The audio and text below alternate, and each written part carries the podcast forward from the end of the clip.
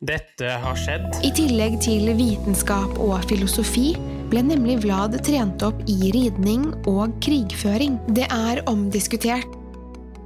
Generation X versus Z. Sandberg Productions presenterer Den ekte samtalen om og med generasjon X og Z. Hold deg fast og nyt. Hei, hei, kjære lytter, og velkommen til dagens episode av Generation X versus Z. Og i dag så skal vi fortsette i episode to av tre med monarker som har vært ondsinnete.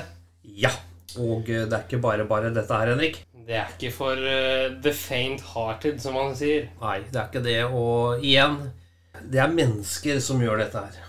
Ja, Tåler egentlig et menneske så mye makt at den kan gjøre hva den vil, uansett? Mm. Altså Stikkordet for i dag, eh, det er reform. Og hva hadde du i tankene? I dag så har jeg noen av de mer kjente monarkene i Europa. Europa. Mhm. Det er uh, Henry VIII, det er Bloody Mary, det er Ivan 4., det er uh, Julius Cæsar, det er keiser Nero, det er uh, Johanna av Castille, det er Ja. Ja. Jeg kan jo ikke si det er en god blanding, men det er en, en gæren blanding. Ja. Og vi skal begynne passende nok i Ja. England med far og datter, som Ja. spilte av rett etter hverandre. En kort engelsk variant. Ja. Yes. Henry VIII of England. You could say Henry VIII wasn't anywhere near as bad as some other monarchs, but he deserves a mention, and we'll get to the worst at the end of the list. Just a quick search on who was executed during the king's reign will pull up 92 names, many of whom were burned at the stake for heresy. But these were just the well known people. History websites say anywhere from 57,000 to 72,000 people were executed during his reign from 1509 to 1547. Some say these numbers could be exaggerated, but there's no doubt the king had a taste for blood. His most notable victims were two of his wives. One was Anne Boleyn. Some historians say she had her head taken off because of adultery and being involved in a plot to kill Henry VIII. Others say she was accused of witchcraft. Anne was his second wife, and it wouldn't be until his fifth wife that another would be executed. Her name was Catherine Howard, and the charges against her were treason and adultery. Bloody Mary. Yep, it's a drink, and the name is partly based on the Queen. She was Mary I of England, and she was the daughter of wife killer Henry VIII. When she took control, she tried to reverse what had started to happen during her father's reign, which was called the Reformation. In short, it was the Church of England pulling away from the Catholic Church. This was in line with the Protestant Reformation. Mary got her name from persecuting anyone embracing this movement, finding them, and burning them at the stake. She burned so many dissenters, she earned the title of Bloody Mary. Ja. Det var eh, far og datter, altså. Og far og datter, ja. Ja, det er litt av noen uh... Ja, hva skal man si, Henrik? ja. eh, Litt av noen skikkelser. Ja. Altså, Hva er grunnen for at du tar opp de episodene, Henrik? Nei, Hva er sånn fascinasjon? nei, fascinasjonen er jo litt sånn for det ulovlige, da. Og det abstrakte Ja. i mennesket. Og derfor så eh, Det er vel en måte å appellere til lytterne på, da. Det er jo det også, da. Men... Eh, og det er jo vist seg, ifølge statistikkene våre, at eh, ja, det er det som er populært. Og da Kjører vi på. Ja. Nå så skal vi høre Johanna av Bastil, altså Spania. Det var ikke noe goddame, det. Nei da. Og hvorfor? Jo da, det skal vi høre nå. Joanna of Castile. Joanna married King Philip the Handsome in 1506. While their marriage started passionately, Philip had numerous affairs, causing her constant paranoia about her husband's infidelities. Porque te quiero hasta la locura. Once Philip died, Joanna allegedly wouldn't let women come near his corpse, including nuns. Her son Charles had his mother confined to a convent in Tordesillas, largely as a power play to consolidate his rule. However, Joanna's paranoia got the best of her, and she believed the nuns conspired to murder her. The Queen of Castile and Aragon tragically died in confinement and earned the moniker Joanna the Mad. Tal vez olvidaré tu nombre, pero jamás el abrazo que me hacía gemir de placer. Ja. Jeg begynner å tenke én ting, Henrik. Ja.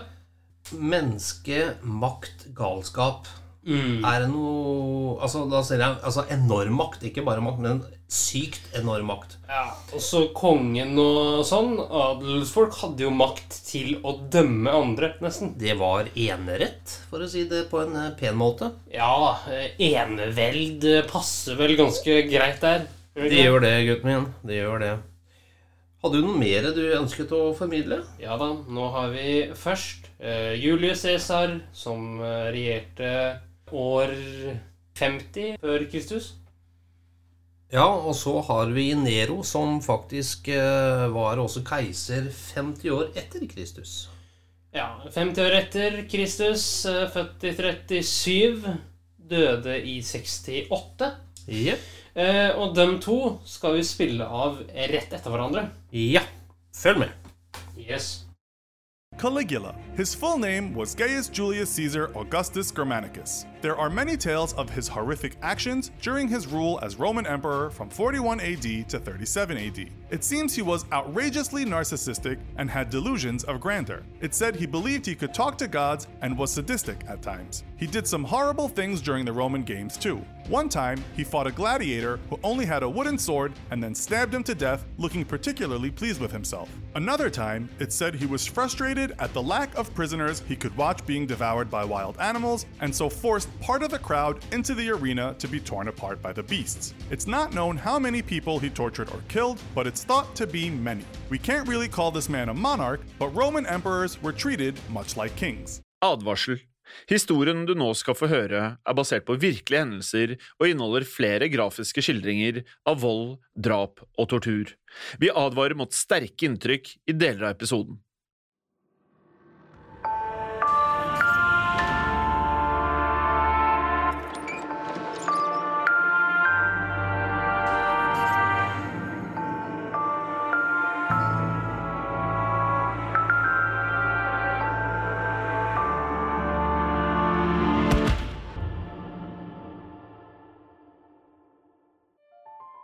Da Nero ble født, var det ikke som arving til keisertittelen. Likevel ville skjebnen gjøre han den øverste leder i Romerriket. Moren hans, Agrippina, var en meget ambisiøs kvinne som giftet seg med den sittende keiseren, Claudius. Claudius hadde en egen sønn, men dette stanset ikke Agrippina. Hun lykkes i å overtale keiseren om at det var Nero som skulle bli hans etterfølger. Nero var en begavet gutt, men han var aldri opptatt av politikk. Det var alltid kunst og idrett som lå Neros hjerte nærmest. Han elsket å se hesteveddeløp og bruke timevis på banen sammen med sine venner. Neros totale mangel på politiske ambisjoner gjorde hans mor fortvilet.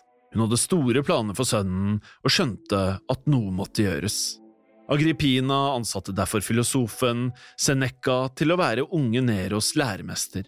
Han skulle undervise gutten i filosofi og politikk. Det viste seg riktignok lettere sagt enn gjort. Seneca prøvde å få Nero til å gjøre lekser, men gutten ville heller bruke tiden sin på å tegne, synge og spille lyre. Seneca var fullstendig klar over at Nero neglisjerte skolearbeidet sitt, men han våget ikke å si noe til Agrippina. Seneca fryktet at han ville bli straffet og sendt i eksil som følge av guttens manglende disiplin. Nero kunne derfor fortsette å gjøre akkurat som han selv ønsket. Det var ingen tvil om at Nero hadde en ekstrem lidenskap for kunst.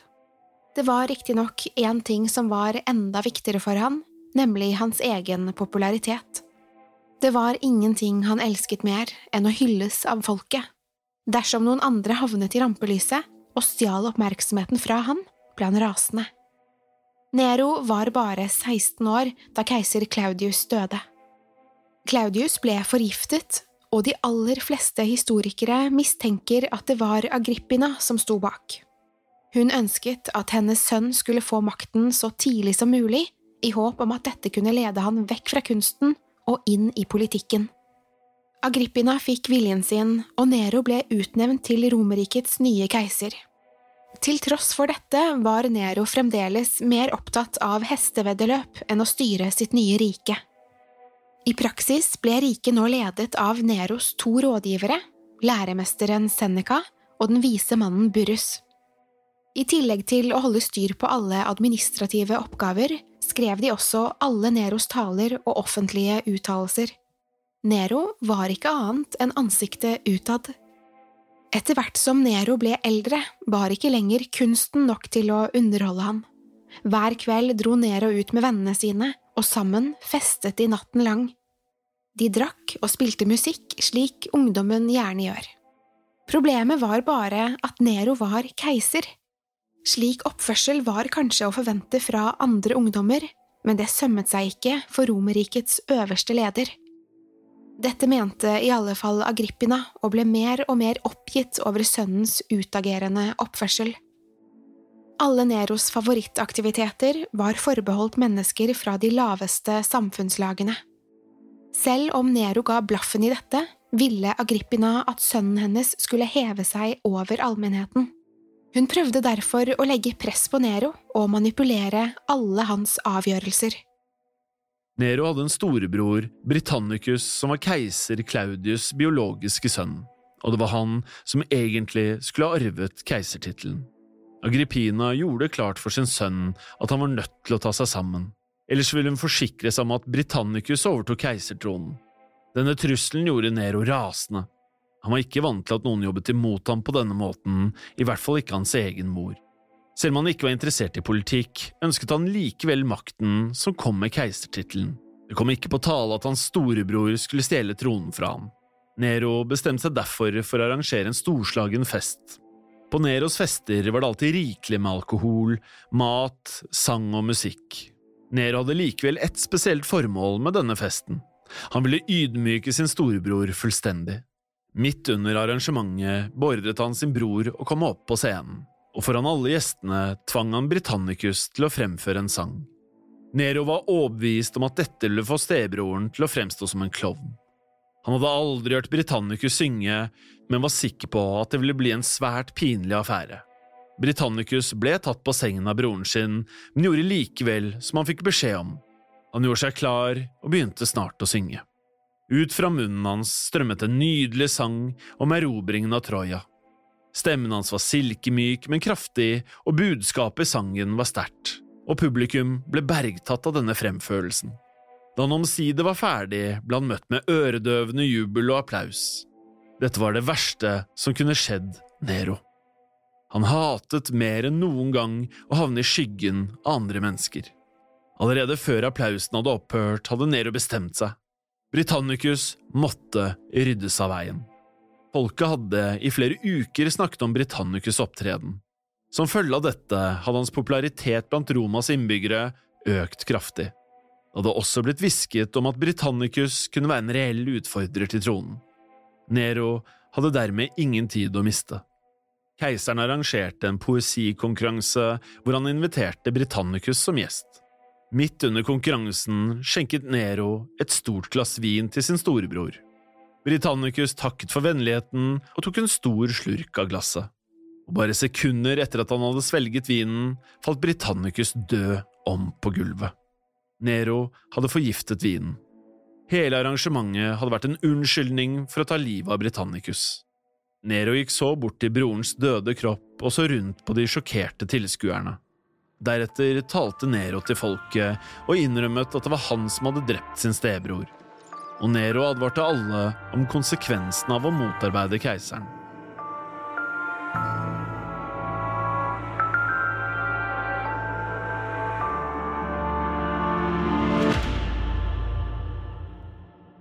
Drapet på Britannicus markerte en ny epoke i Neros regjeringstid.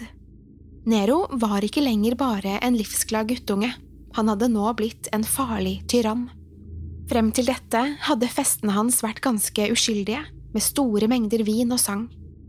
Men nå begynte Nero å finne glede i vold og seksuelle overgrep. Nero voldtok både kvinner og små gutter. Han gjorde akkurat som han selv ønsket, uten at dette fikk noen konsekvenser. Alle visste at det var meningsløst å stå i veien for den allmektige keiseren. Ved en anledning fikk han riktignok føle konsekvensene av sine gjerninger. Idet Nero var i ferd med å voldta en kvinne, kom nemlig hennes mann inn i rommet. Mannen, som ikke visste hvem det var som voldtok konen hans, gikk umiddelbart til angrep på Nero. Det gikk kaldt nedover ryggen til denne mannen. da han forsto hvem han akkurat hadde slått til blods. Han stirret sin keiser inn i øynene og tryglet om hans tilgivelse. Han forklarte at han aldri hadde slått denne allmektige keiseren hvis han hadde visst hvem det var. Nero, som var beruset og hadde blod over hele ansiktet, bare smilte tilbake. Mannen som hadde angrepet Nero, ble brakt til palasset av hans soldater. Denne mannen ble stilt foran keiseren, hvor han fikk sin endelige dom. Som straff for hans angrep ble denne mannen dømt til å ta sitt eget liv. Neros ondskap og egoisme hadde nådd nye høyder. Han hadde ingen problemer med å drepe, torturere eller ødelegge livet til Romas innbyggere.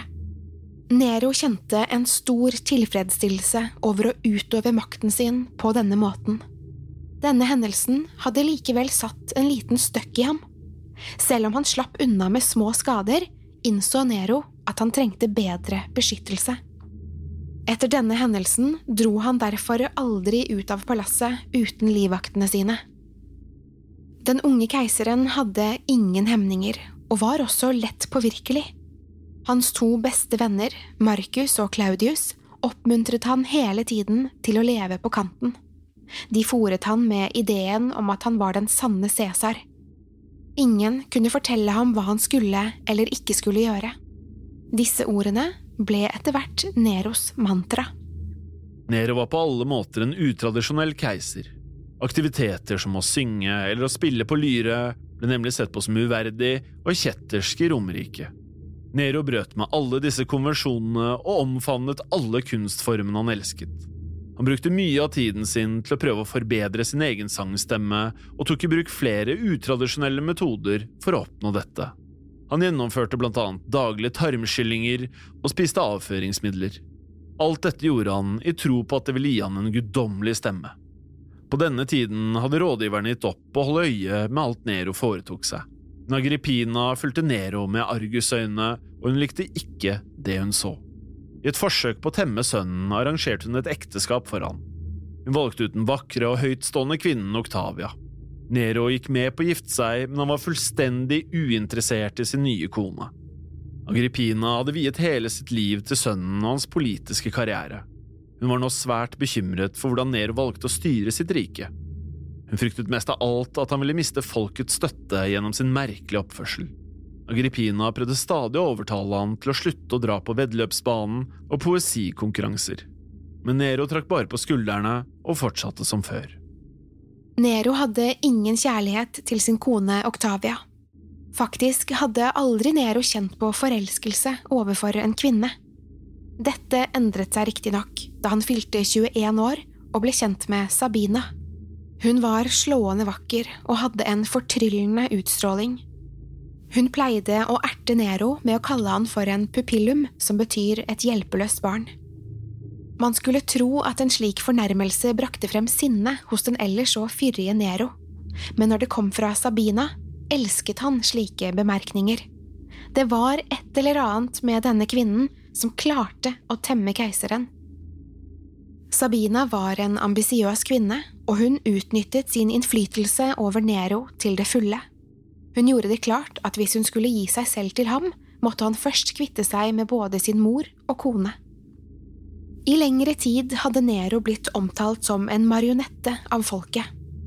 De mente han ble styrt av sin mor, og at det ikke var han som satt med den reelle makten. Nero var fullstendig klar over dette, og det hadde gjort ham rasende. Sabina minnet han jevnlig på dette faktumet. Hun visste akkurat hvilke knapper hun skulle trykke på. Hun hvisket om at han aldri ville få folkets respekt før han trådte ut av morens skygge. Nero hadde hele livet vært veldig knyttet til sin mor. Det sier derfor mye om hvilken makt Sabina hadde over ham da han bestemte at det var på tide å kvitte seg med Agrippina. Han begynte snart å legge en plan for hvordan han kunne ta livet hennes. Dermed bestemte Nero seg for å drukne moren. Agrippina hadde nemlig et eget skip som hun likte å seile med. Nero ga ordre om å senke denne båten i håp om at hun skulle drukne ute på sjøen. Agrippina klarte imidlertid å karre seg til land. Her ble hun riktignok møtt av Neros soldater. Nero hadde ikke overlatt noe til tilfeldighetene. Moren hans måtte dø. Før soldatene stakk sverdene sine i henne, skal hun ha skreket til dem, begrav sverdet deres her hvor monsteret ble skapt. Dette ble da Agrippinas siste ord. Man skulle tro at drapet på moren hadde gått inn på Nero, men han var fullstendig uberørt av hendelsen. Han hadde nå drept to av sine nærmeste familiemedlemmer i løpet av få år. Nero sørget likevel ikke over sin mor. Han proklamerte at han endelig kunne utøve makten sin slik han selv ønsket. For å feire dette arrangerte Nero en storslått fest inne i palasset. Denne festen strakk seg over flere dager. Selv om Nero hadde blitt en grusom og hensynsløs mann, var han likevel ikke dum. Han visste at han var avhengig av folkets støtte og kjærlighet for å kunne beholde makten. Han forsøkte derfor å blidgjøre de store massene, mens det var eliten som fikk gjennomgå. Han arrangerte gladiatorkamper der medlemmer av adelen måtte kjempe mot ville dyr til folkets store begeistring. Han organiserte også poesikonkurranser med store premier til de som vant. Riktignok deltok han ofte selv i disse konkurransene, og ble naturligvis alltid kåret til vinner. Hver gang han selv opptrådte med et dikt eller en sang, ble han møtt av vill jubel. Han passet på publikummere til stede som fikk godt betalt for å rope ut hyllester til ham.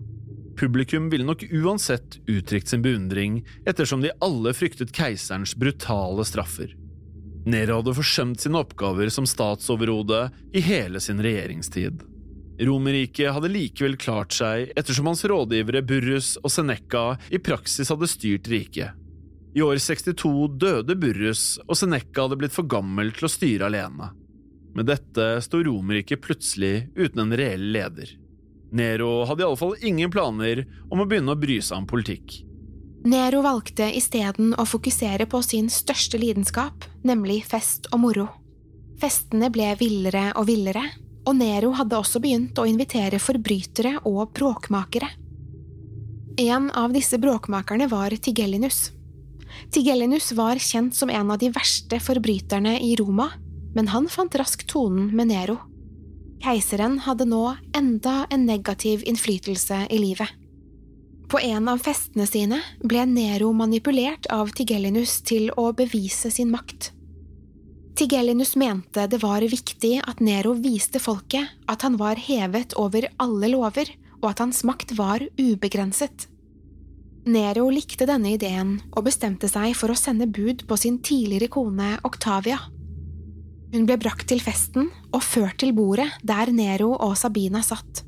Octavia forsto ikke hvorfor hun hadde blitt hentet til denne lurvete festen, men følte seg likevel redd. Nero ba om å få alle festdeltakernes fulle oppmerksomhet.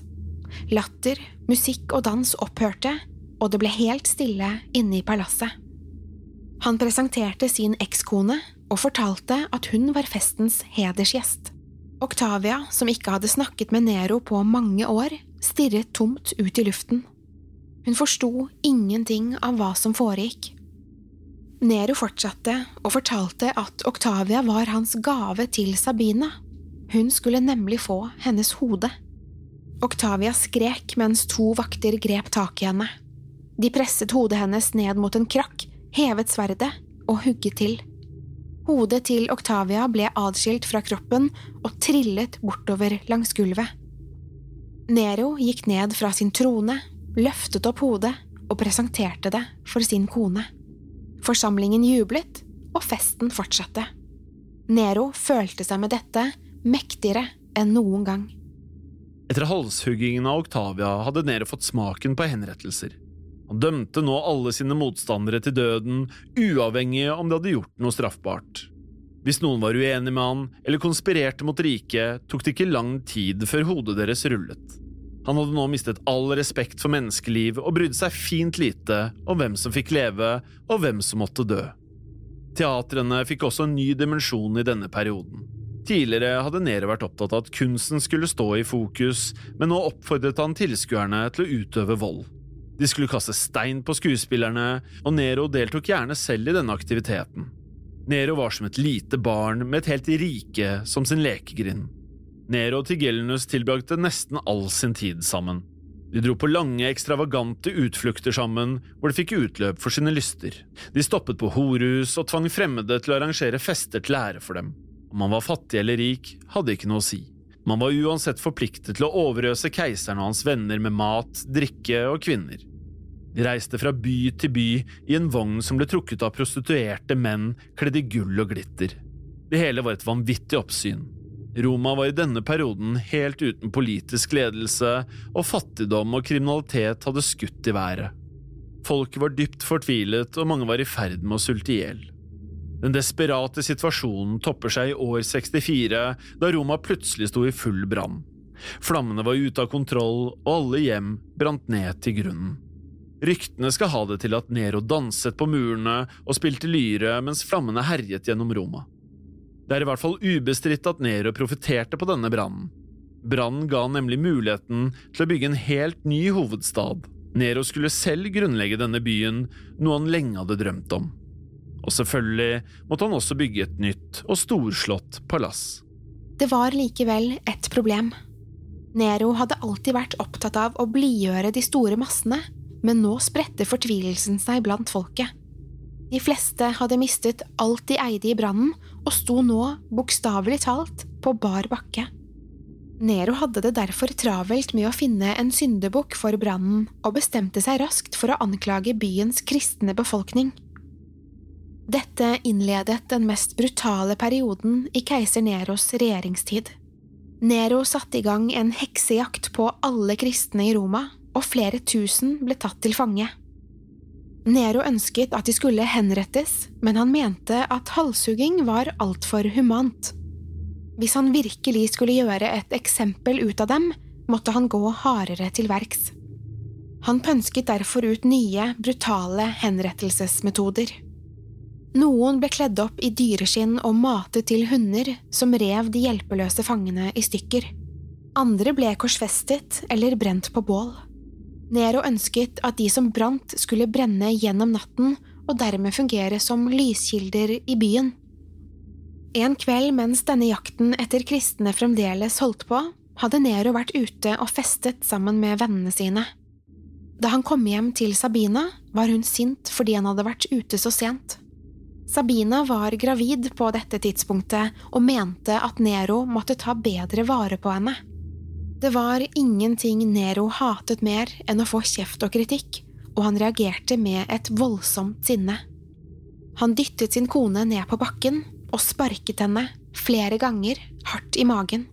Han stoppet ikke før Sabina var død. Nero hadde virkelig elsket Sabina. Da han stirret i hennes livløse øyne, følte han en bunnløs sorg. Han la seg ned ved hennes side og omfavnet den døde kroppen mens tårene trillet. Nero hadde drept hele sin familie og var nå helt alene i verden. Savnet etter Sabina hjemsøkte Nero over de neste årene. Han ble syk av lengsel, noe som virkelig kom til uttrykk i år 67. Nero giftet seg på nytt dette året med en tidligere mannlig slave som het Sporus. Sporus hadde flere fysiske likhetstrekk med Sabina, og Nero tvang han til å late som han var henne. Sporus ble også kastrert for å fremstå mer feminin. Slik levde Nero og sporet sammen i et evig og absurd skuespill. De siste årene hadde rikets situasjon gått fra vondt til verre. Økonomien var fullstendig skakkjørt, og Nero hadde brukt opp alle pengereservene på fester og nye amfiteater. Misnøyen i riket økte for hver dag. Det ble ikke bedre av at Nero prøvde å løse problemene ved å kreve inn mer skatt. Nero, som aldri hadde brydd seg om politiske spørsmål, hadde ingen idé om hvordan han kunne bedre situasjonen. Flere steder i Romerriket begynte en opprørsstemning å bre seg. Ulike fraksjoner hadde begynt å legge planer om å styrte den sittende keiseren. Nero var klar over dette og visste at det kun var et spørsmål om tid før et statskupp ville iverksettes. Han planla derfor å flykte til Alexandria Nero hadde en drøm om å slå seg ned der og leve resten av livet som kunstner. Denne drømmen rakk han aldri å få ut i livet. En natt i år 68 våknet Nero opp midt på natten. Ved siden av ham lå Sporus og sov, men alle vaktene og tjenerne hans hadde forsvunnet. Nero skjønte umiddelbart hva som var i ferd med å skje. kuppet var allerede i gang. Han vekket Sporus og fortalte at de måtte flykte. I all hast forlot de palasset i nattens mørke og klarte å komme seg ut av hovedstaden. Nero eide en villa utenfor byen, og det var hit de flyktet. I flere timer satt de to sammen og snakket. Nero forsto at det ikke ville ta lang tid før kuppets ledere fant ham, men han aktet ikke å la seg henrette. Etter en stund bestemte han seg. Han så bort på Sporus og ba ham om hjelp til å kutte over hovedpulsåren hans. Sporus gjorde som han fikk beskjed om, og Nero kjente at livet forlot kroppen. Hvilken kunstner mister ikke verden i meg, var den 30 år gamle keiserens siste ord mens han lå der og sakte blødde i hjel.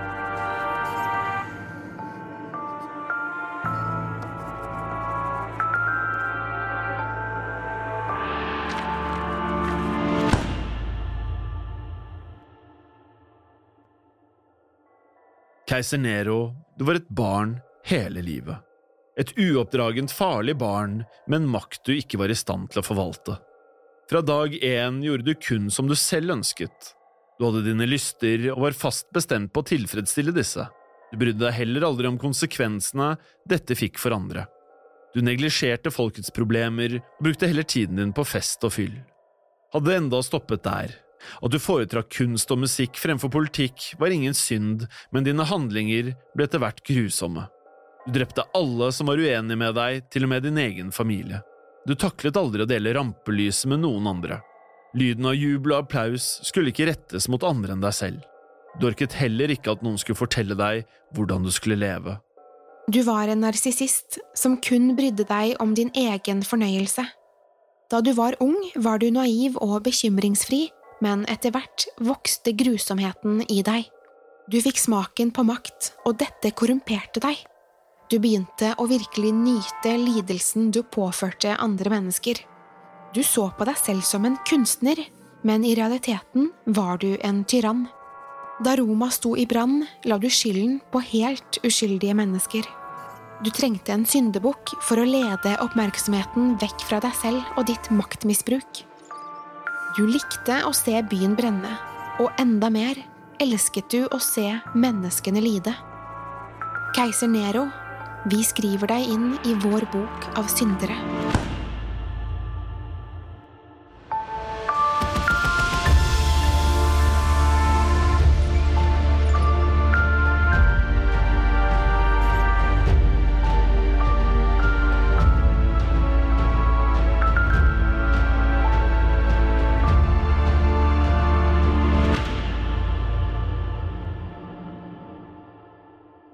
Ja, jeg blir nesten målløs når en hører på, Henrik. Ja, det blir nesten det. Ja, det er jo reform da, som er stikkordet her, og det Ja. var vel en viss uh, form for reform. Det kan man vel si. Eh, nå så skal vi fra Italia til Russland, og eh, Ivan den fjerde. Etter hva jeg skjønner, så blir det en liten engelsk eh, variant i veldig korte drag. Ja da, blir ca. halvannet minutt.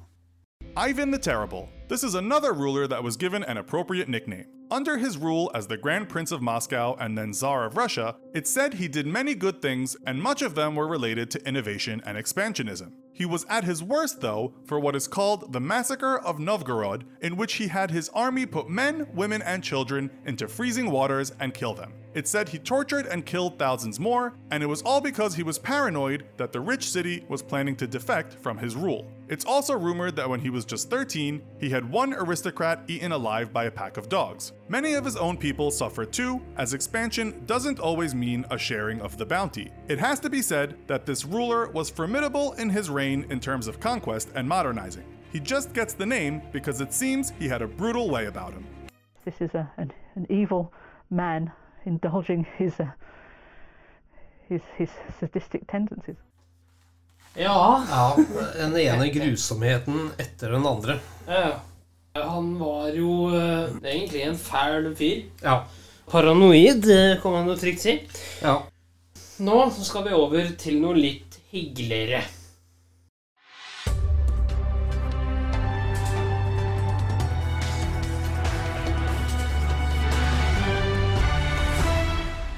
NRK-hjørnet.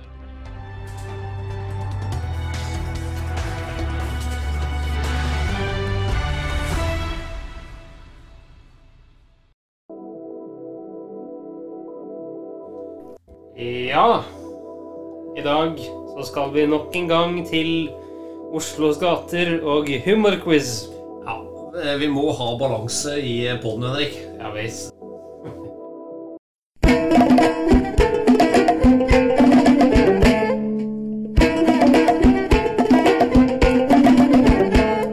Da spiller vi Vil du bli tusjonær. Ok, sjef? Fullfør dette norske uttrykket. Når katten er borte, er det billig kebab på hjørnet. Når katten er borte, danser musene på bordet. Når katten er borte, er hasjprisen høy.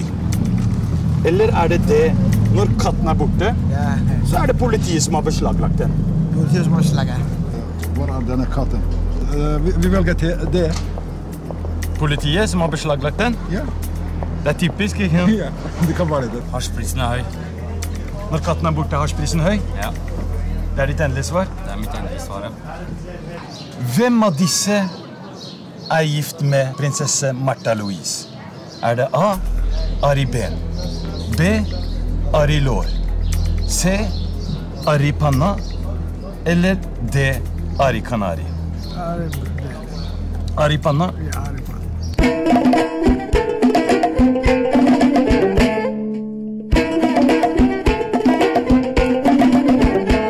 Hvem av disse er en norsk krigshelt? Er det A. Max Manus? Er det B. Max Mekker? Er det C. Mixmaster? Eller D. Jan Erik Vold? C. Mixmaster? Ja. Hva tror du Mixmaster gjorde under annen verdenskrig? Ja, han som lagde en miks.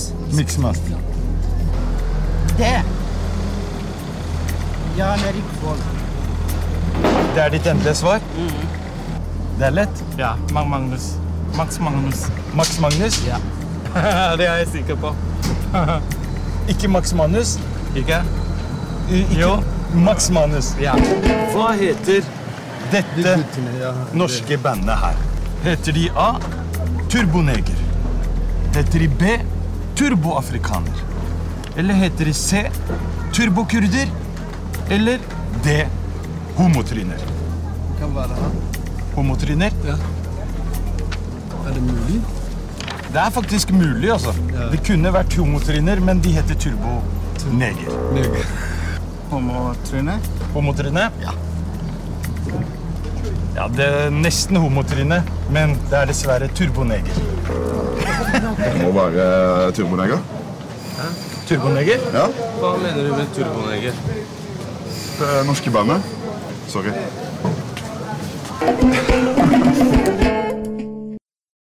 Ah, det, du, du spiller jo ler, Henrik. Jeg, jeg må gjøre det sjøl, altså. Det er godt å få balanse her. Ja.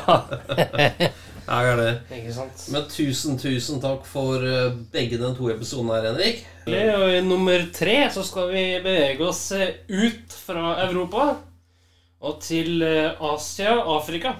Ja. Vi skal eh, slutte på Madagaskar. Vel fornøyelse, holdt jeg på å si, og i hvert fall på gjensyn til neste pod. Ha det godt, da. Ha det godt. Tusen takk for at du fulgte oss. Gi gjerne tilbakemelding, likes eller kommentar på Facebook-siden vår Generation X versus Z. Velkommen igjen til neste podkastepisode. Hei då!